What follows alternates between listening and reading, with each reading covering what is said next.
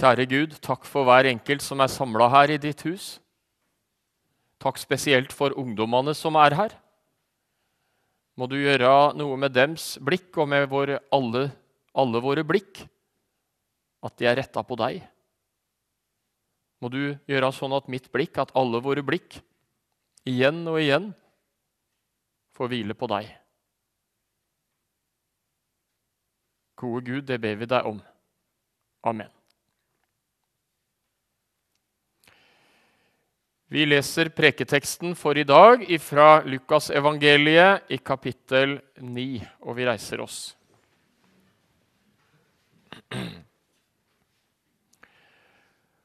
Omkring åtte dager etter at han hadde sagt dette, tok han med seg Peter, Johannes og Jakob og gikk opp i fjellet for å be.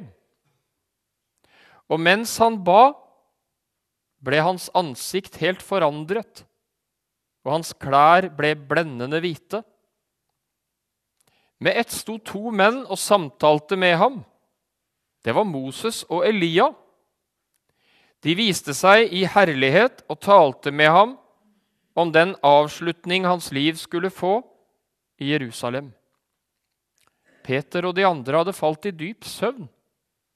Nå våknet de og fikk se hans herlighet og de to menn som sto sammen med ham. Da mennene skulle skilles fra ham, sa Peter til Jesus.: Mester, det er godt at vi er her. La oss bygge tre hytter, en til deg, en til Moses og en til Elia. Han visste ikke selv hva han sa. Og mens han talte, kom det en sky og skygget over dem. Og de ble forferdet da de kom inn i skyen. Og det lød en røst fra skyen. Dette er min sønn, den utvalgte. Hør ham. Etter at røsten hadde lydd, var det ingen andre å se enn Jesus. Disiplene tidde med dette og sa den gang ingenting til noen om det de hadde sett. Slik lyder Herrens ord.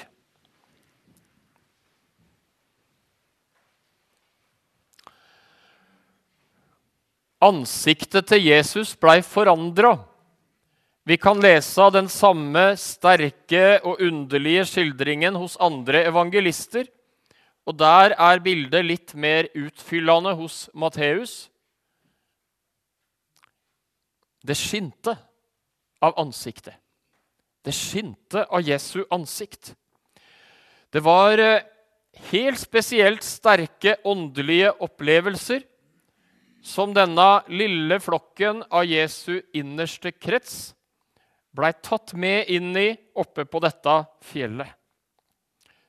Det må ha vært eh, trosstyrkene.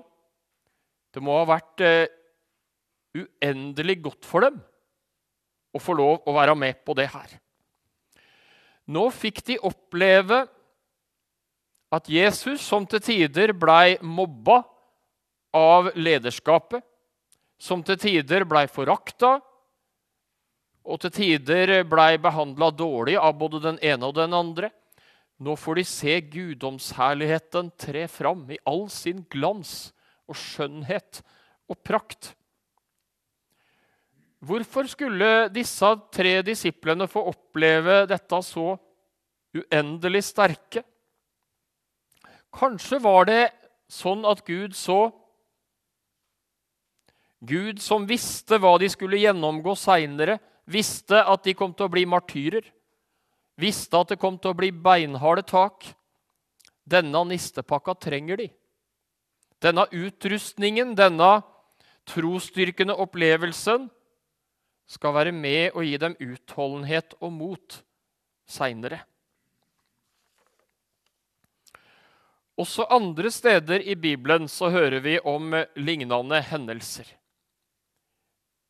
Egil, du leste for oss fra fortelling om Moses. Hvordan det skinte fra ansiktet. Hvordan de faktisk blei redde. Det var et forunderlig skinn fra ansiktet til Moses. Etter at Moses hadde vært i et helt spesielt sterkt fortrolig og nært møte med den levende Gud. Og vi eh, kan lese om eh, profeten Elias, Elias' ånd og kraft. Eh, det var noe som skinte der også, ikke helt på samme måte. Men det var en storhet, en forunderlig storhet.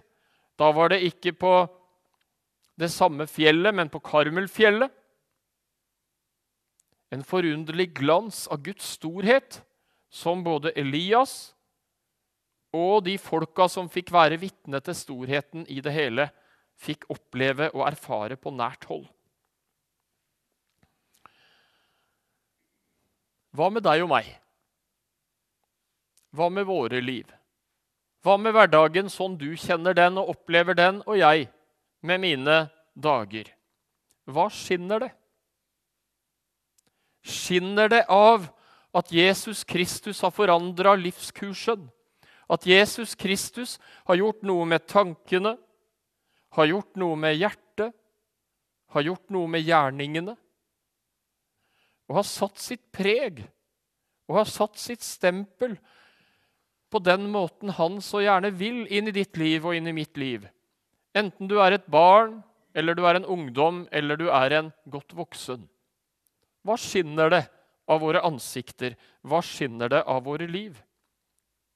Nå tror jeg det er sånn at det skinnet får vi nok ofte i veldig begrensa grad se sjøl, der Gud får skape det.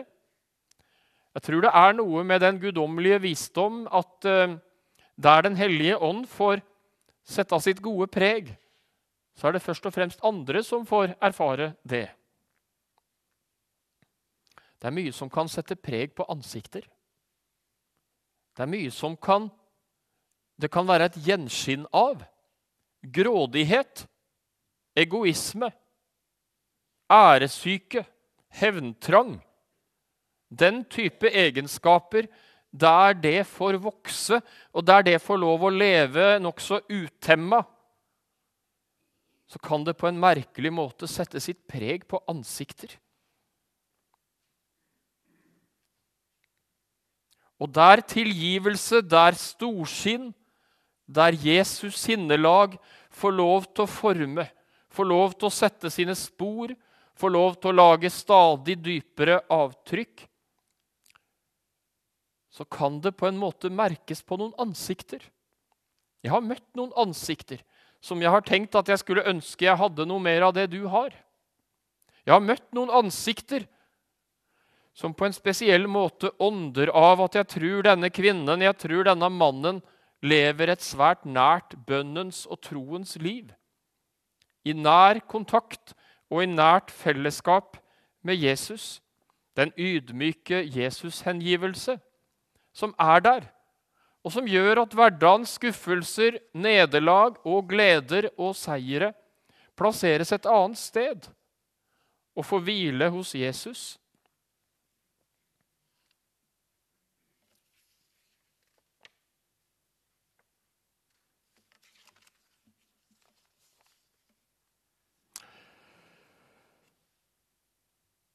Noen av oss var på konfirmantleir.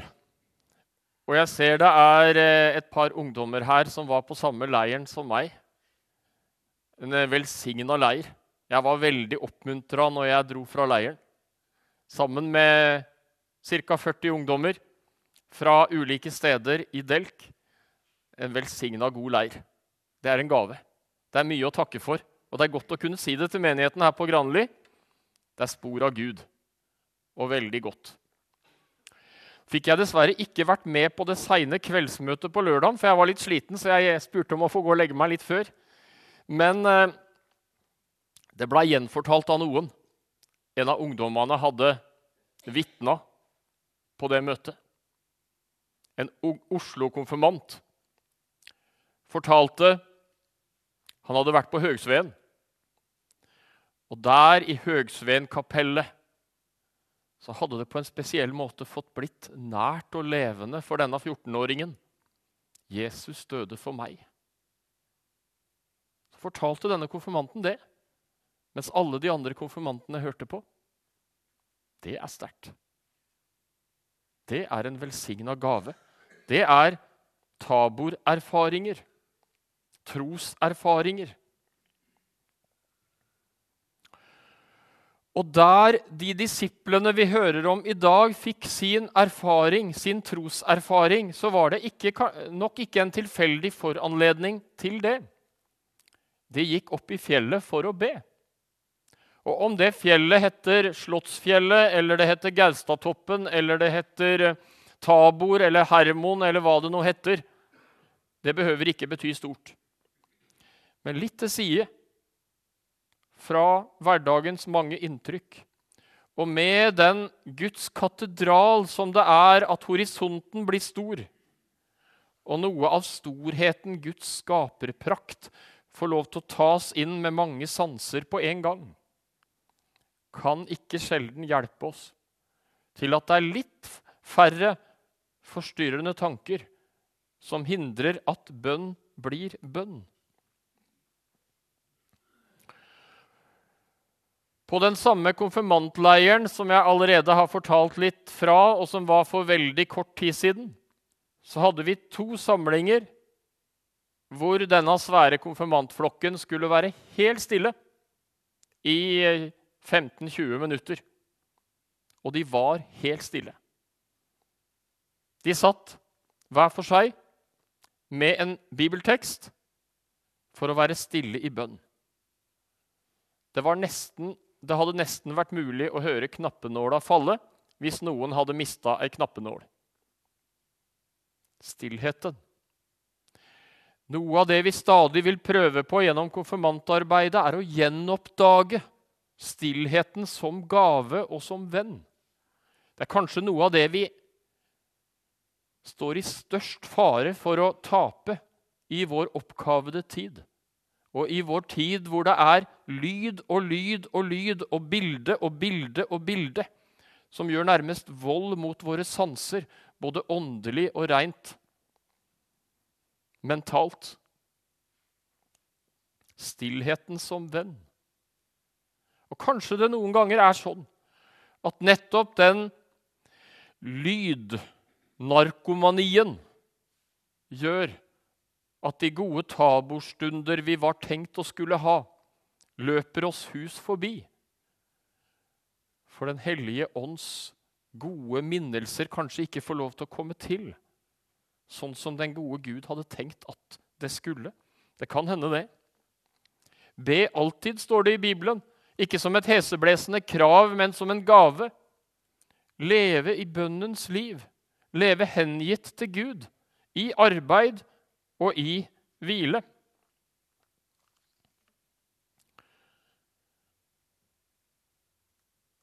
Det var en sjelesørgersamling på Modum Bad nå for kort tid siden. Og eh, det blei tatt fram et skriv. Eh, jeg skal gjengi det litt sånn, eh, antageligvis litt upresist etter min hukommelse. Men innholdet var omtrent sånn. Folk stresser så det går på helsa løs for å skaffe mye penger. Og når de har klart å skaffe seg mye penger, så har det kosta dem helsa. Så de har fått dårlig helse. Og så bruker de mye penger for å prøve å få helsa tilbake. og vi kan le litt, og det er jo latterlig. Og selv om det er latterlig, så gjør vi kanskje litt av det, ganske mange av oss. Kanskje vi skal unngå litt av den omveien? Kanskje vi skal unne oss sjøl og hverandre å leve litt saktere og litt stillere? Til bra for den eh, legemlige og åndelige helse. Jeg tror det er verdt å tenke igjennom. Tilbake igjen til Peter. Godt at vi er her. Dette er jo rett og slett herlig. Det er tydelig han nøyt det. Det er tydelig at Peter kjente dette er jo fantastisk godt. Makan til situasjon, da. hele han var jo så det bevra av begeistring. Her setter vi i gang å bygge hytter. Her skal vi være, her skal vi bygge, her skal vi bo. For sånn vil vi ha det hele tida. Um, og vi skal ikke ha smakt så mye av en sånn litt himmelsk uh, overmenneskelig Guds nærhet. Eh, en liten smakebit av det før vi, vi, skjønner litt av hva Peter snakker om. Jeg har ikke opplevd noe som ligner på det Peter eh, opplevde der på dette berget. Men jeg tror eh, mange av oss har hatt noen bønnestunder, har hatt noen samlinger, har hatt noen møter med noen Guds mennesker hvor det var en atmosfære, det var en Guds nærhet, som gjorde at vi kjente sånn vil jeg gjerne ha det hele tida. Og så varte det ikke så lenge. Nådeglimt. Taborstunder. Eh, jeg skal ta en, eh, et lite glimt tilbake til den eh, lille svarte boka som ble brukt her i Granli kirke for en del tiår siden. En del av de siste sangene i den boka ble skrevet av min tippoldefar Nils Ascher. Det er ikke bra poesi, det han eh, la for dagen, men det er et vitnesbyrd. Og et av vitnesbyrda på sang nummer 202 i den gamle, svarte boka er om en taborstund. Jeg aldri glemme kan den dag jeg nyte fikk en liten smak av himmelrikets glede. Det var en åndelig opplevelse som var så god og så rik at han vitner i sangen, han innleder sangen med å vitne om at det kommer han aldri til å glemme. Åndelige erfaringer. Nærhet til Gud som gjør at bagatellene får lov til å bli bagateller, og det vesentlige får lov til å være det vesentlige. Bekymringer kan permitteres. Og så kommer det åndelige tørkeperioder. Jeg kjenner det, jeg har mine. Og um, ikke så sjelden så kommer de kanskje fordi jeg har bedrevet åndelig slurv.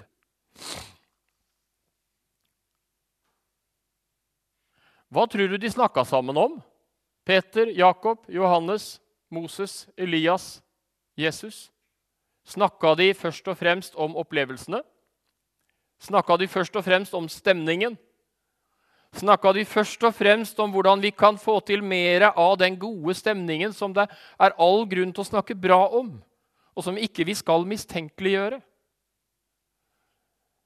En av de andre evangelistene lar oss få vite hva de snakka om. De snakka om den død Jesus skulle lide i Jerusalem. Snakk om kontraster, da! Snakk om noe så dystert som død enda de var på noe av det herligste de noen gang hadde opplevd. Og så er det en troens hemmelighet vi får lov til å kikke inn i her. Død som blir til liv. Jesus døde for meg, jf. konfirmantens vitnesbyrd seint på lørdagskvelden på Strand leirsted for kort tid siden. Det var for meg. Da blir død, Jesu død, Jesu pine, Jesu offer. Til de grader kilde til herlighet, til glede, til takknemlighet og til lovsang. Nå på fredagen så hadde jeg 18 første- og andreklassinger samla i kirken på Bjerkely. Til første time klokka halv ni kom de, forventningsfulle. Eh, Nokså små barn, syns jeg, da. Det syns ikke dem. Uh, og de satt der, og de hadde mange spørsmål. Mange spørsmål. Et av spørsmåla fra en av de små barna var Hvorfor står det et kors i midten? Hvorfor står det et kors i midten? Det gjør det her også. Hvorfor akkurat på midten? Fordi det er det samlende hvilepunkt. For det er det som gir oss trygghet, det er det som gir oss håp. Og det er det troen har som sine grunnpilarer i livet og i døden. Det var det de snakka om. Jesus, Moses, Elias, Peter, Jakob og Johannes. Det er det vi sang om rett før jeg gikk på prekestolen. Hold blikket festa på Jesus. Hold blikket der. På han. På det han har gjort for deg. Det blei ikke bygd noen hytter. Peters idé blei ikke satt i verk. Uh, Isteden står det 'mens Peter enda talte', forteller en av de andre evangelistene. Mens Peter enda holdt på med sine ideer om å bli bofaste på Forklarelsens berg, så blei han avbrutt av Guds stemme, av Guds egen stemme, som sa, 'Dette er min sønn, den utvalgte. Hør ham.' Og så sier teksten så sterkt Så så de ingen andre enn Jesus alene. Opplevelsen er bra, de. Men Jesus alene, Jesus alene skal være din trygghet, ditt hvilepunkt, din forankring. Det er bare det som holder som grunnmur. Jesus alene. Da de så opp, så de ingen uten Jesus alene.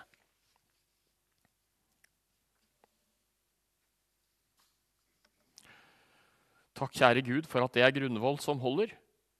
Og takk for at vi får lov til å bygge våre liv på deg. Amen.